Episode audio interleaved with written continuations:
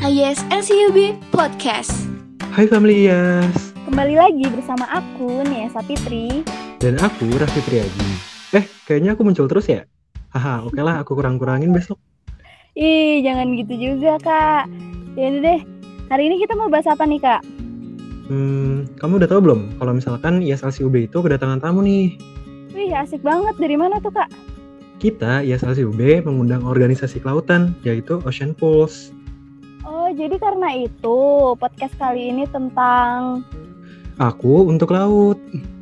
Wih, keren banget tuh. Berarti topik kali ini bakal beda banget ya, Kak, sama yang sebelumnya.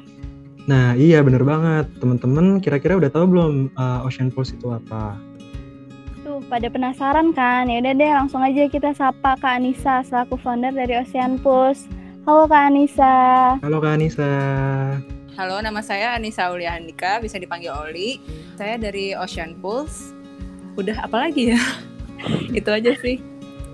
Mungkin bisa dikenalin juga Kak mengenai Ocean Pulse itu sebenarnya apa gitu Kak? Em, Ocean Pulse itu sebenarnya adalah media informasi dan edukasi yang bergerak di bidang kelautan sih, kayak gitu. Tapi kita juga masih mengerjakan proyek-proyek lain, maksudnya kayak survei atau eh, modeling. Jadi kerjaan yang di luar ngasih informasi dan edukasi itu. Nah, keren banget nih Kak. Berarti fokusnya ini ya, memberikan edukasi ke masyarakat ya tentang kelautan. Eh, iya sih, akhirnya berending di situ sebenarnya. Setelah perjalanan yang panjang. Hmm, soalnya dilihat dari acaranya kak, itu Mm-mm. banyak juga dan keren-keren nih. Eh, aku kan ngeliat juga ya di highlight ya, itu ada Mm-mm. apa? Pasar lokal ya. Hmm, Iya gimana tuh coba? Eh, kita sebenarnya banyaknya kalau ke anak kecil sih kalau misalnya acara yang langsung ya. Maksudnya Mhm. eh, yang langsung ketemu sama anak-anak tuh ada namanya si melaut dalam cerita itu. Jadi kayak sebenarnya kita tujuannya ngedukasi si anak kecil tentang pentingnya laut. Tapi kalau misalnya untuk yang orang dewasanya, sebenarnya kita lebih sering ngadain pelatihan-pelatihan atau kayak seminar-seminar kecil gitu sih buat si anak-anak kuliahan atau sebenarnya buat orang-orang yang udah bekerja dan mereka butuhin skill tentang kelautan kayak gitu. Oke, dan menurut Kanisa sendiri nih, masalah apa sih yang paling besar di laut di Indonesia nih? Yang selalu Eh, diangkat sama teman-teman. Eh, sebenarnya sih kita ngangkat tuh selalu ngangkat kalau laut itu penting. Sebenarnya kesadaran terhadap laut itu penting tuh menurut aku dan menurut kita sebenarnya tuh kurang banget di Indonesia kayak gitu. Eh, apa ya? Jadi kayak laut tuh cuman dijadikan sebagai tempat hiburan aja gitu, udah. Dan mereka tuh nggak nggak bisa berpikir untuk kayak ya sebenarnya saat lo makan, lo menghirup udara dan lo berkegiatan tuh lo bers- berasal dari laut kayak gitu. Jadi kayak untuk memberikan kepemahaman itu ya jadi kita kayak ngeinfoin pelan-pelan dan terus-menerus sih sebenarnya lewat si Ocean Pulse ini kalau sebenarnya laut itu penting jadi makanya harus dijaga kayak gitu. Hmm, gitu kak. Oke Mhm. oke. Iya Kak, berarti memang banyak yang apa sih pentingin laut itu cuma buat pariwisatanya doang gitu ya Kak? Hmm, iya. Iya bisa dilihat juga sih kayak eh, kemarin juga aku sempat lihat berita gitu. Mm-mm. Eh, banyak yang buang sampah itu ke sungai, padahal kan ujung-ujungnya sampah itu kan ngumpul di laut juga ya Kak. Iya. Iya itu benar sih makanya itu dulu tuh kita akhirnya pernah mau nih kita gerak ke pulau-pulau kecil nih ya kan biar supaya mengedukasi si orang-orang supaya nggak buang sampah nih ke laut ya kan. Terus kalau kalian tahu tahu Pulau Pahawang nggak sih di Lampung? Eh, Nah, itu tahu Kak. belum tahu ya. Jadi si Iya. Pulau Iya, belum Pahawang ini tuh dia pulau paling apa ya lumayan banyak dikunjungin sama wisata, wisatawan dari Jakarta karena deket kayak cuma naik pesawat sejam eh, nggak nyampe sejam terus udah ya udah lo bisa liburan lah di pulau ini gitu kan.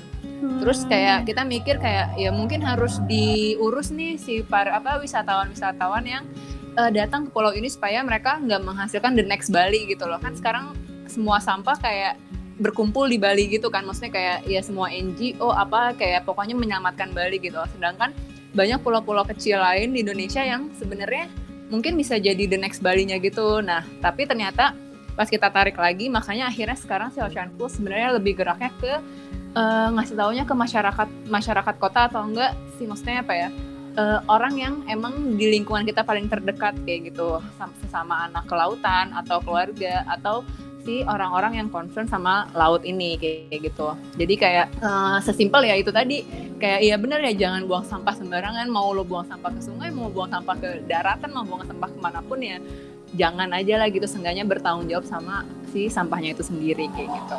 Oke, berarti memang fokusnya itu kita mencoba ngerangkul buat orang-orang terdekat dulu gitu ya kak? Benar.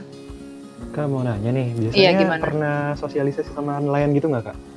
Atau Eh, apa ada program gitu sama nelayan? Kalau sama nelayan enggak sih sebenarnya. Kita lebih banyaknya tuh sama sekolah-sekolah kayak gitu. Lebih banyak kerjasamanya. Kalau ke nelayannya langsung sih belum. Hmm, Oke oke. Mhm. Terus juga aku Mm-mm. dengar juga ada istilah nih di Mm-mm. teman-teman Ocean Pulse ya namanya Optigen. Itu Iya, apa iya. ya kak? heeh. Bisa dijelasin Sebenarnya itu panggilan dari Ocean Pulse netizennya Ocean Pulse gitu, makanya disingkat jadi Optigen. Oh gitu. Begitu. Oke oke oke. keren keren. Heeh. Oke. Gimana gimana? Hmm, terus kalau Berit kan waktu itu pernah langsung ke tempatnya gitu ya kak, kayak ke pulau apa tadi? Eh, iya ke si Pahawang ini. Si Pahawang itu. Terus kan eh, apa the kayaknya the next the next Bali itu kemungkinan nggak sih kayak ada di daerah Sumba gitu kak. Nanti dari Ocean Plus itu ada apa sih kayak ada selanjutnya gitu nggak sih kak?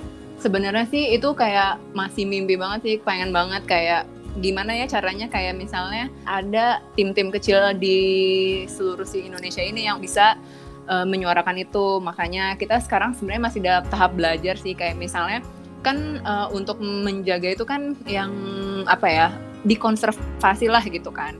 Kemarin tuh sempet nanya-nanya juga sih sama teman-teman yang melakukan konservasi ini kayak sebenarnya lo melakukan konservasi ini tuh gimana sih yang benernya karena di pikiran kita kan kayak ya udah cuman ngelindungin aja ya kayak udah nih. Tapi itu ternyata enggak kayak lo harus bisa melindungi itu tapi tidak mematikan ekonomi di eh, daerah yang dikonservasikan itu kayak gitu. Karena kan biasanya saat daerah itu dikonservasi berarti kan dia sebenarnya udah ada banyak peluang nih gitu kan. Cuman karena banyaknya peluang dan orang berdatangan ini dia mungkin aja bisa rusak gitu kan. Dan itu harus diselamatkan dan dilindungi agar peluang ini tuh bisa sustain kayak gitu sih. Jadi kemarin sempat kepikiran pengennya sih kita ada program-program yang bisa dilaksanain di pulau-pulau kecil-kecil itu tapi nggak kita doang jadi misal mungkin sama anak-anak kuliah makanya sekarang kita targetnya menggiring banyak anak-anak kampus yang emang bergerak di kelautan atau juga yang concern tentang laut supaya bisa beride bareng sih kayak gitu Hmm, iya, jadi jatuhnya kerjasama gitu ya kak. Iya, soalnya kalaupun ngerjain sendiri tuh kayak susah banget sih. Dan maksudnya kita pun misalnya kita ngerti ya, tapi masih butuh misalnya orang orang travel buat ngasih tahu kayak gimana nih kalau misalnya si wisatawan datang tuh mereka tuh polanya gimana kayak gitu. Apa yang bisa diperbaiki dari pola traveling ini ya kan kayak gitu. Terus atau enggak misalnya gimana tadi hubungannya sama si nelayan atau enggak si masyarakat itu butuh eh, misalnya anak sosiologi atau segala macam. Jadi bener-bener nggak bisa gerak sendiri eh, kami sebagai Ocean Pulse aja sih kayak gitu. Hmm, Oke. Kak mau nanya nih Ha-ha. buat event-event di Malang tuh ada nggak sih kak eh, dari teman-teman? Hmm, Sebenarnya sih eh, nggak nggak terlalu ada sih. Kemarin tuh beberapa kali datang ke Malang diundang buat yang kan lagi rame-ramenya ya apa revolusi industri itu. Nah Hmm. terus jadi sebenarnya akhirnya kita datang sebagai pembicara karena apa ya kan sekarang misalnya anak-anak kuliah nih udah mau lulus terus cari kerjaan dan segala macam perlu insight dong. Maksudnya eh, apa yang harus dilakukan di dunia yang serba cepat bersilih ganti dengan apa pun itu kan. Jadi kayak Digital Iya. juga ya? Ah, iya digital banget Iya, jadi kayak maksudnya juga. akhirnya kita juga makanya pas akhirnya kita bergerak di dunia ini gitu kita ngerasa kayak ya emang nggak ada yang tahu gitu loh jadi kenapa akhirnya kita bisa berujung akhirnya ke si dunia digital informasi ini dan ternyata peluangnya tuh banyak banget kayak gitu apalagi maksudnya dengan ilmu apa pun yang kita punya kita bisa mengembangkan itu dengan revolusi industri yang seperti ini kayak gitu waktu itu sih di Malang kayak gitu Uh, Hmm. belum sempat ngada-ngadain lagi soalnya soalnya kan kita biasanya di Bandung ya jadi kayak kalaupun ada acara-acara gitu biasanya sama anak-anak sekolah SD di Bandung atau enggak biasanya kita ngadainnya kayak ngumpul-ngumpul sama anak yang Unpad atau enggak ITB gitu sih jadi belum sempet Hmm. banget ke yang bikin-bikin di Malang kayak gitu Oke oke oke. Terus eh, tadi nih mengenai digitalisasi nih kak, Mm-mm. kan kita tahu ya lagi ada corona nih COVID-19. Mm-mm.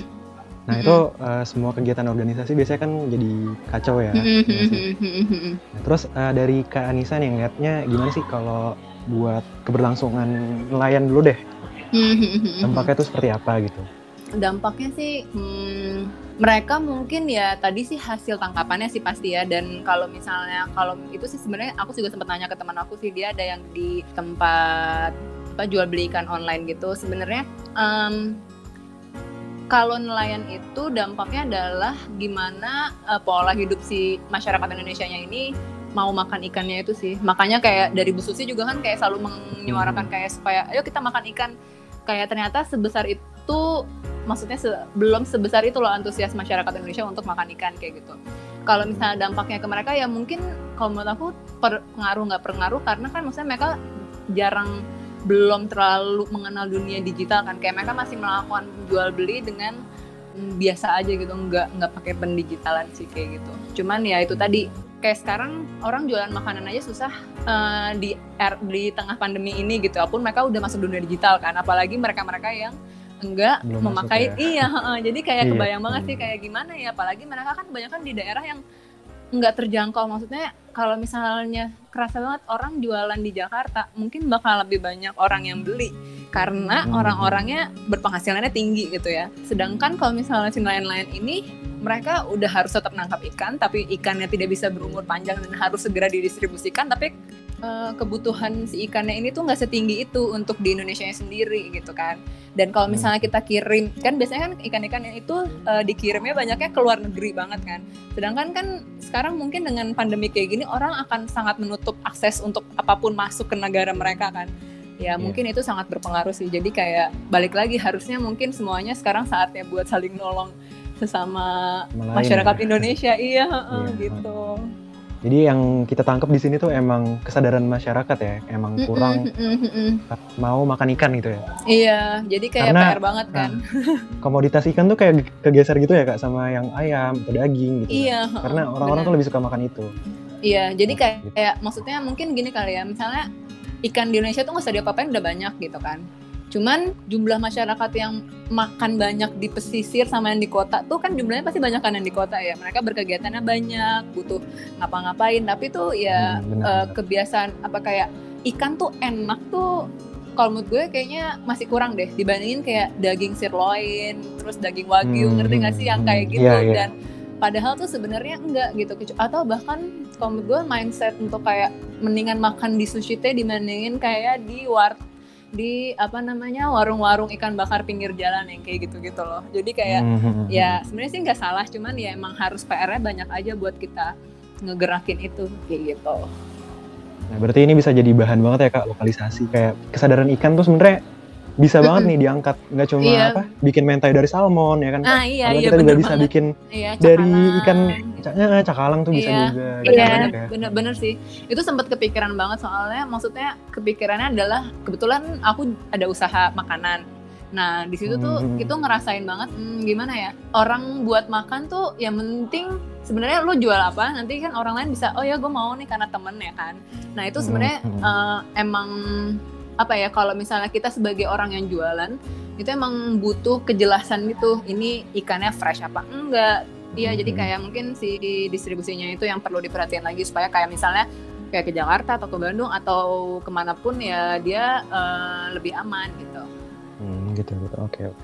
Tapi Mm-mm. Ocean Cruise ini tuh targetnya bagus banget sih menurut aku sendiri karena Mm. tadi kan edukasi edukasinya juga ke anak-anak kecil ya kak. Jadi Iya. Kita mikirnya juga wah ini dari kecil udah di set apa sih Mm. udah tanemin gitu buat buat ke lautan gitu. Mm. Itu sebenarnya awalnya kalau misalnya kan kalau konservasi pasti kalian taunya tentang kayak oh yaudah cagar apa sih kayak lingkungannya ekosistemnya dan segala macem kan sebenarnya Iya. kalau ditarik-tarik lagi tuh sebenarnya yang paling penting tuh kayak konservasi si manusianya ini sih kalau menurut aku maksudnya adalah mau kita ngejaga gimana juga si lingkungan atau ekosistem yang ada tapi kalau misalnya masyarakatnya tadi gak keedukasi dengan baik sama aja susah banget kayak gitu. Makanya akhirnya kita gerak ke si itu sih. Jadi dan nggak cuma ke anak kecil ya kayak tadi kayak sebenarnya pengennya ke semua target umur tuh bisa kayak gitu. Iya, Kamu tuh, tuh jadi pernah bang apa? Jadi eh, nanemin kebiasaan gitu ya kak. iya bener banget Iya boleh dilanjut kak tadi apa? Enggak, iya tadi tuh maksudnya pernah kita apa namanya bikin acara lah.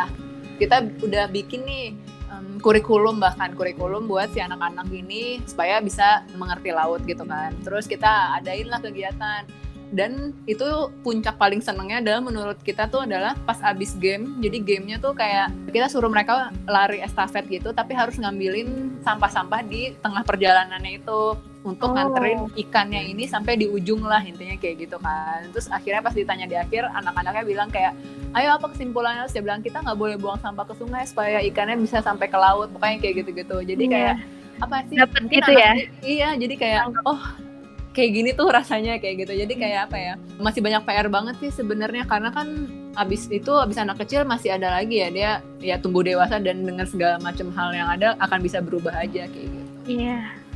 Jadi pokoknya penting banget sih itu Hmm. kayak dari diri sendiri lah ya pokoknya.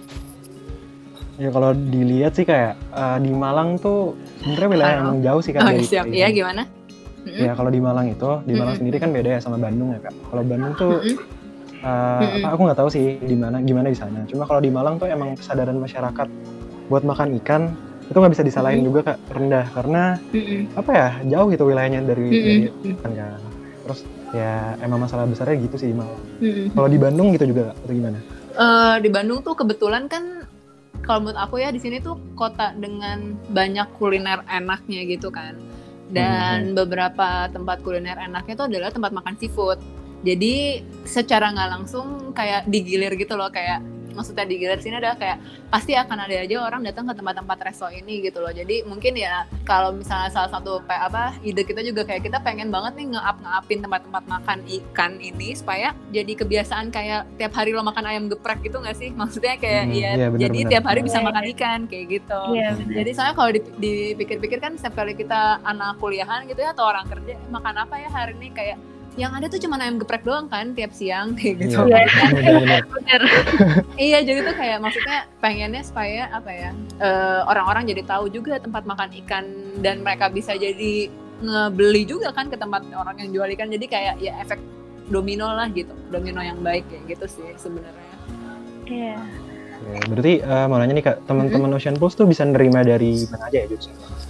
Sebenarnya sih kita kebanyak kalau jurusannya tuh luas banget. Yang penting dari kelautan. Eh, mau jurusan itu oceanografi atau ilmu kelautan atau teknik atau dia pelayaran sebenarnya sih kita menerima kayak gitu ya soalnya eh, yang kayak tadi aku bilang walaupun kita ngerjainnya isi informasi edukasi ini tapi masih ada beberapa juga kerjaan lain yang yang bersangkutan dengan proyek-proyek kayak pembangunan dermaga apa segala macam tuh masih dikerjain sih kayak gitu dan emang pengennya ya tadi kita sebagai pengen jadi apa ya wadah aja buat anak-anak kelautan Indonesia Oke. kayak gitu. Oke kak, berat eh, Ocean Pulse itu sebenarnya dari Indonesia aja atau gimana tuh kak? Iya kita dari di, ada di Indonesia doang. Jadi Oh. sebenarnya awalnya adalah keinginan aku dan teman-teman untuk tidak mau bekerja bersama orang satu. Terus akhirnya kita bangunlah si konsultan ini layaknya konsultan-konsultan proyek lain lah ya. Nah, in the end di tengah kita dapat satu tawaran harus bikin event edukasi buat anak kecil. Dan akhirnya kita ngepost-ngepost juga tuh informasi di Instagram dan website. Ternyata antusiasnya tuh gede banget. Maksudnya gede sini adalah ternyata banyak banget anak kuliahan umumnya tuh yang mereka butuh tempat bertanya, mereka butuh tempat buat belajar. Nah, akhirnya kita bergeraklah ke bidang sana gitu.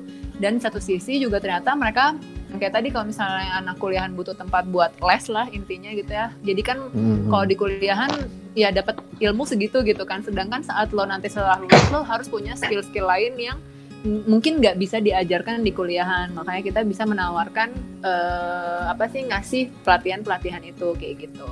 Seperti itu sih. Jadi makanya ini masih kalau shampoo tanya cuma ada di Indonesia iya, uh-uh, dan emang baru beberapa tahun berdirinya kayak gitu. Jadi masih belajar banget kitanya juga.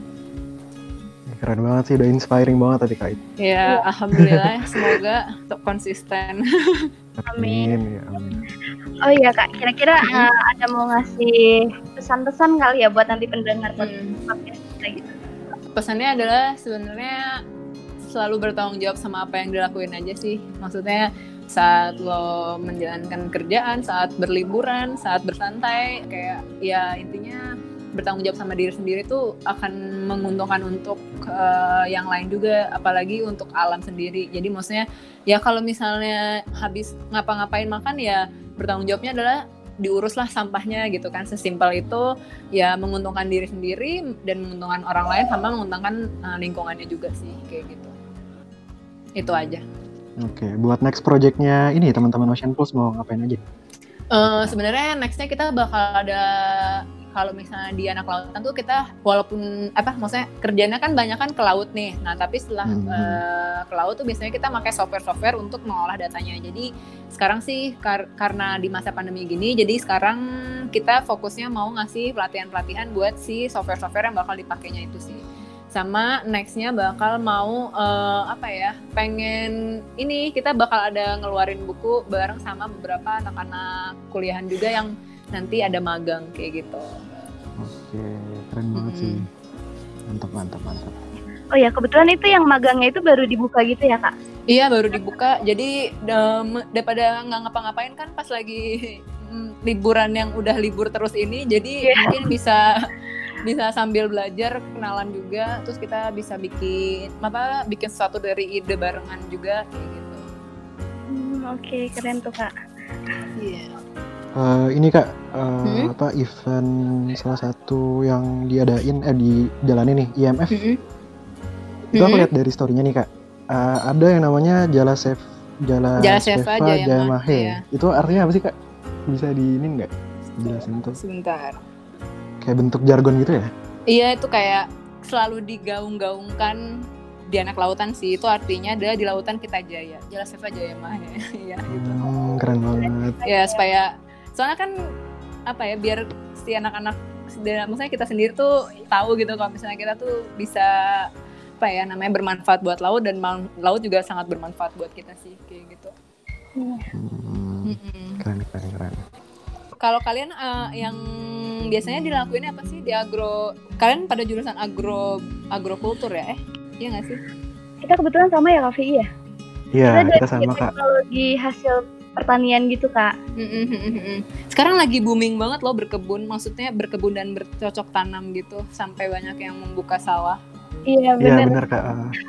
Sebenarnya ini kalau apa ya dari iya sendiri itu luas sih kak. Ada yang Hmm. dari berkebun, terus ada yang Hmm. bertani, terus dari Hmm. pertanian kan ada dari apa ya Hmm. dari bercocok tanamnya sampai Hmm, hasil hmm, hmm, pengolahan produknya dan Mm-mm. ya kita emang basicnya aku sama Nia itu di teknologi pangan kak. Mhm. Kalau kayak gitu berarti mencari teknologi untuk mengefisienkan bercocok tanam Em, gitu. Iya. Bukan. eh, apa hasil pertaniannya? Kayak tadi misalnya kayak mm, yang dari nelayan itu kan Oh, ha. dari Indonesia kalau dari Indonesia itu kebanyakan kayak daya tahannya tuh cepet basi gitu lah ya. Ah, ah. ikannya. Nah, kita lebih mikirin ke itu sih kak ke Ah, biar dia nggak basi di, ya, digimanain gitu ya. ya benar. Hmm, ya sih menarik banget kayak maksudnya kita udah punya lahannya gitu ya, tinggal mengoptimalkan aja nggak sih kayak si pertanian terus si penelayanan ini jadi biar efektif. Iya benar Benar, banget. benar. Hmm. Karena ya kita juga nggak bisa bohong ya di Indonesia banyak banget yang impor-impor gitu. Iya, heeh, bener banget. Suka bingung ya kalau kayak gitu ya. Tapi kalau Iya. misalnya, jadi aku yang nanya ya. Kalau Iya. misalnya kayak apa-apa beneran sih. Maksud gue Diskusi aja sebenarnya apa-apa. penasaran adalah eh, misalnya kalau yang impor-impor gitu itu karena kekurangan, maksudnya permasalahan di Indonesia di mana sih? Apakah karena kita nggak bisa produksi atau emang nggak ada bahan bakunya apa gimana gitu? Coba nih gimana? Kamu dulu deh nih. Sebenarnya ada beberapa faktor sih kak. Kalau Hmm. yang kita tahu kan di Indonesia itu kita makanan pokoknya tuh beras ya kak. Iya, heeh, Nah itu kan jadi kayak banyak banget tuh kebutuhan berasnya. heeh. Makanya eh, maksudnya di sini tuh kayak kita makanan pokoknya itu cuma fokus satu aja gitu. Kalau misalnya dari luar negeri itu kan bisa mereka macam-macam gitu kan makanan pokoknya. Mm-mm. Iya, Mereka ya ubi, ya kentang gitu. gitu ya. Ya benar. Iya, kurang diversifikasi ya. Iya benar itu kayak kurang variasi dari itunya juga sih. Berarti sebenarnya ya terus terus terus. Gak apa-apa kenapa kak? Enggak, berarti sebenarnya adalah tugasnya tuh nggak nggak hanya dikit di misalnya nggak hanya di produsen yang menghasilkan dong, tapi sebenarnya bagaimana orang rumah tangga rumah tangga mem- membuat makanan-makanan dari bahan-bahan yang lain ya nggak sih? Iya benar benar banget. kak, benar. Tapi- kadang juga bisa bahannya ditambah-tambah kayak disubstitusi Iya bener-bener apa gitu. bener-bener. Tapi permasalahannya mereka gue cuma pengen beras, pokoknya harus ada beras Iya. gitu ya. Mm, bener bener belum makan nasi itu tandanya belum makan Iya bener banget. Nah. Walaupun iya sih sebenarnya, cuman Iya. ya akhirnya bisa makan aja berkali-kali gitu kan. Iya. Ah gitu. Terus terus apa lagi tuh? terus apa kaki mau lanjutin Udah sih paling ini aja kenapa suka impor karena emang kualitas beras di Indonesia tuh kadang suka apa ya kurang diliatin gitu. Nah, Iya. biasanya beras-beras kita kan kecil-kecil. Iya. Dan makanya kita impor dari yang GMO tuh, yang dimodifikasi. Hmm. Secara Iya. genetik kan ada modifikasi DNA gitu-gitu ya kak. Iya. Jadi lebih unggul produk-produknya, makanya lebih dipilih tuh produk-produk yang dari luar gitu kak. iya Iya. Sama kayak kedelai juga. nah iya kadang kalau dilihat dari gizinya itu ya kak dari maksudnya dari pengetahuan keku itu sebenarnya lebih banyak lebih bagus yang dari produk lokal gitu tapi Hmm. karena masyarakat sendiri kan pengennya dapat maksudnya lebih murah terus dapatnya lebih banyak gitu ya kak Iya. heeh. kayak kedelai juga makanya kita kan kita tempe tuh diproduksi tiap hari tuh nah kebanyakan Oh. mereka itu malah impor karena memang kita impor dari Amerika kalau nggak salah ya kasih ya Iya bener banget, bener Iya. banget. jadi memang kualitas kedelai di Indonesia itu uh, lebih kecil gitu loh kak dan harganya Hmm. Yang impor yang impor itu uh, bijiannya itu lebih besar gitu Hmm. Sebenarnya menarik banget sih kak tadi uh, topik dari Kak Anissa nih. Aku juga baru kebuka pandangan tentang apa ya kelautan nih. Jadi Kenapa Kak tuh? Anissa bilang kalau masyarakat tuh emang kurang sadar kalau ikan tuh sebenarnya ya sejajar lah sama daging sama daging Heeh, ayam. heeh, heeh. Nggak bisa dipandang sebelah mata kan. gitu. Iya. Tinggal kita yang apa ya mahasiswa tuh gimana cara ngolah dan menarik Iya. orang-orang tuh biar biar mereka tuh tahu gitu. itu harus jadi kayak tren gitu loh. Iya, gue ya. Soalnya kayak misalnya kan eh, aku kan eh, usaha ke kopi juga nih gitu ya. Kayak Mm, mm, mm. walaupun kita usaha kopi, tapi tuh petani kopi Indonesia tuh masih ya gitu-gitu aja kan. Gue tuh jadi bingung gitu kayak ini salahnya di mana gitu. Soal soalnya menurut gue sekarang konsumsi kopi orang Indonesia tuh banyak banget gitu.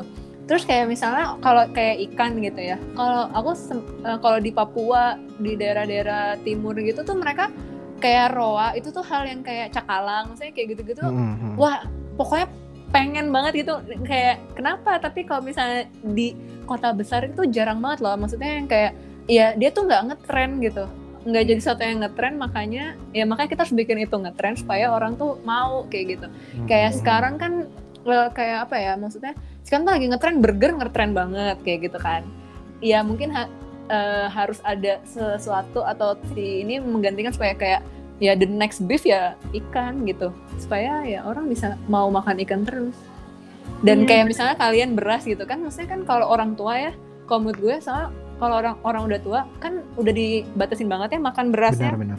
Iya benar. karena itu kan gula kan sebenarnya Mm, mm, mm, mm. Nah, itu tuh ya itu tadi kayak harus disubstitusi banget karena harus udah bukan disubstitusi sih, maksudnya kayak dikasih pengertian gitu. Lo tuh ada opsi lain loh selain beras karena susah Hmm, banget iya. ngasih tahu orang tua untuk nggak Bener, makan bener, nasi. bener. bener Dan banget yang susah tuh anaknya maksudnya jadi kayak yang sehat tuh ada lo yang pilihan lain yang lebih sehat dengan apa gizi yang sama tapi walaupun kenyangnya beda kalau karena walaupun nggak misalnya kan kalau lo nggak kenyang lo jadi bisa makannya malah berulang kali itu lebih bagus kan dibanding makan sekali terus Hmm. kenyang kayak gitu iya Iya bener benar. gila ini nggak jelas banget pembahasan iya pokoknya intinya gitu lah jadi Iya kayak benar kak benar. banyak stigma yang kalau dipikir-pikir sebenarnya permasalahan kita ya cuman kita tuh nggak mau mengubah tradisi gitu sih kalau menurut gue. Kolot Kayak- ya benar sih. iya ha, jadi Batasin gitu kan generasi muda gitu. Ah, ah, terus jadi kayak gimana ya? Jadi kayak maksudnya sekarang kalau misalnya kayak tadi aku baru baca tweet orang gitu soalnya. Eh, sekarang lo di digeber dengan kehidupan eh, apa sih? Eh kok apa sih green lifestyle lah kayak gitu kayak makan oat dan segala macamnya itu sedangkan padahal kita tuh udah makan sayur lodeh apa ya kayak maksudnya gudeg Hmm. yang kayak gitu-gitu loh maksudnya kita tuh udah punya caranya sendiri gitu kalau misalnya kita lebih me- apa ya mengangkat apa sih tradisi-tradisi yang ada dulu yang ada yang udah kita punya tuh untuk kehidupan lebih sehat kayaknya lebih bisa deh Dan itu Kayak udah dia- nempel sama tradisi Iya, kita kan. Dari maksudnya jadi dulu, kayak- ya kan? Oh ada ada urap nih gitu kan atau ada lalap nih apa gitu kan jadi kayak orang tuh lebih kayak iya lo nggak usah susah-susah buat beli yang mahal-mahal gitu karena sebenarnya di pertanian dan eh, si hasil laut kita juga udah memenuhi eh, Mm-mm, buat hidup benar. sehat kayak gitu Mm, mm, mm. Ngomongin malah pemerintah nih kak, mendingan zamannya sushi atau sekarang ya kak? Aduh, gimana ya? Gimana ya? Bingung sih. Sekarang kan lagi sebenarnya. ya impor lobster ya kak? Eh Iya, bukan ya ekspor ya? Iya, Iya. bayi bayinya itu dijual keluar kan kak? Iya, terus tau gak sih harganya cuman se 150. sebungkus rokok. Enggak ada. Hah satu Iya, lobster ya kak?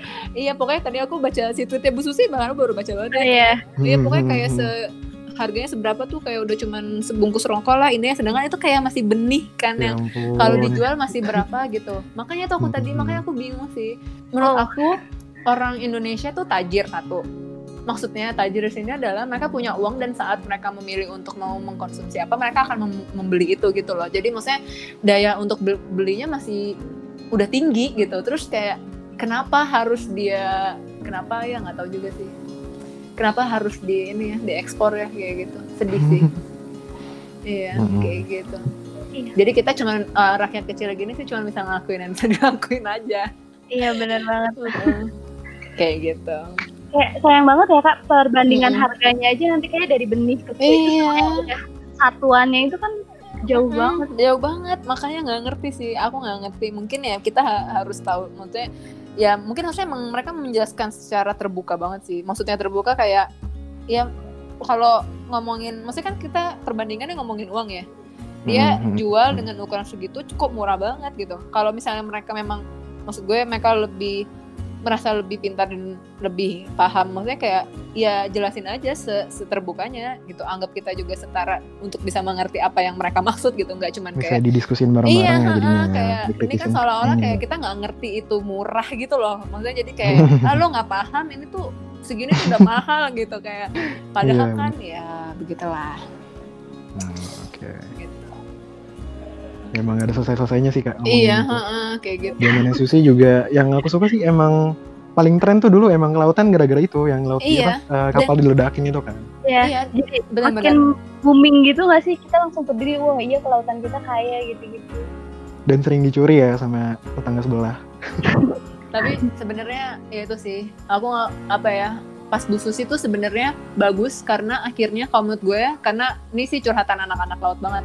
kita Mm-mm. tuh nggak tapi mungkin mungkin semua semua section ada kayak kayak maksudnya nggak nggak terperhatikan dengan baik gitu loh sekarang kalau misalnya di pemerintahan yang sangat diperhatikan dengan baik adalah kayak ekonomi terus eh maksud gue si bidang kelautan yang kayak sebenarnya lo tuh bisa kalau mau kaya ya udah dari laut aja gitu lo Mm-mm. mau apa sih mau energi bisa ya Benar-benar. mau Mm-mm. sumber daya ter apa eh, energi terbarukan bisa apa pun gitu jadi kayak emang mahal riset dan segala macemnya. Cuman kalau misalnya akhirnya lo nggak di riset riset ya udah gitu. Maksudnya sekarang gini kalau listrik di Papua mahal terus dia mau bangun sana mahal. Emang di sana sedangkan si range apa tinggi gelombangnya tinggi gitu lo bisa menghasilkan listrik kayak gitu kan. Maksudnya ya daripada harus bangun misalnya apa listrik ya lu bisa dari dari energi si gelombang ini dan segala macam yang kayak gitu gitu loh. Dan Hmm. menurut gue ya kurangnya adalah kita sangat kurang disupport untuk penelitian penelitian kayak karena sekarang masih dianggapnya ngapain sih kayak terombang ambing ya. di lautan? Iya terus lo kayak cuman nga- ngukur data apa segala macem ter gunanya buat apa? Ya gunanya buat prediksi gitu sih kalau menurut gue. Ya harus Dan- gimana? Positifnya ini ya bukan ngebandingin nih kak, tapi Mm-mm. emang positifnya kita invest ke laut dibandingkan ke darat itu adalah Mm-mm. kalau darat kan emang kita butuh lahan ya dan itu Mm-mm, benar cuma ini. Tapi kalau di laut tuh kita bisa numbuhin ikan dan kita nggak perlu mikirin lahan gitu loh. Kalau di kalau di iya laut benar kan banget semuanya luas. mm-mm. Terus sebenarnya aku tadi kayak baca juga sebenarnya kalau misalnya kita ngekonservasi si eh, laut itu sebenarnya dia efeknya domino banget sih. Maksudnya saat emang dia bisa jadi tempat tumbuh ikan, si ikannya apa jadi banyak nih gitu kan. Terus nanti akhirnya si ikannya bisa ditangkap atau malah si ikannya pergi terus ke tempat lain, tempat lain jadi Hmm. banyak ikan lagi. Pokoknya jadi dominonya tuh bagus lah gitu kan Iya. mm. soalnya ya kalau misalnya di darat kan kalau misalnya nih lo ternakin apa kan cuma di daerah situ doang ya kalau misalnya nanti ternaknya Hmm. pergi jalan-jalan kan mengganggu orang lain kan kayak gitu. Bener bener. kasarnya gitu sih bayangannya Hmm. jadi kayak ya nggak tahu sih mungkin kita ya berusaha gitu aja Iya, keren banget sih ya bahasannya. iya nggak abis ini cuma gara-gara beras ya Iya. iya tapi seru Nanti sih mungkin itu. bisa bisa kenalin lagi kak teman-teman apa Ocean Pulse nih ke teman-teman IAS gitu. Ntar bisa iya banget. Iya benar-benar. Nanti bisa diskusi-diskusi lagi yang lain sih sebenarnya. Mm-mm. Iya. Kalau misalnya di pertanian sebenarnya langkah yang paling apa ya paling konkret yang kayak ini kayak bisa dikopi di mana-mana terus bisa jadi sukses deh. Itu apa? Dengan Hmm. permasalahan yang ada gitu misalnya kayak kalau misalnya aku di laut tuh kita kan eh, masalahnya adalah sampah ya. Mau gimana juga masalahnya sampah gitu kan.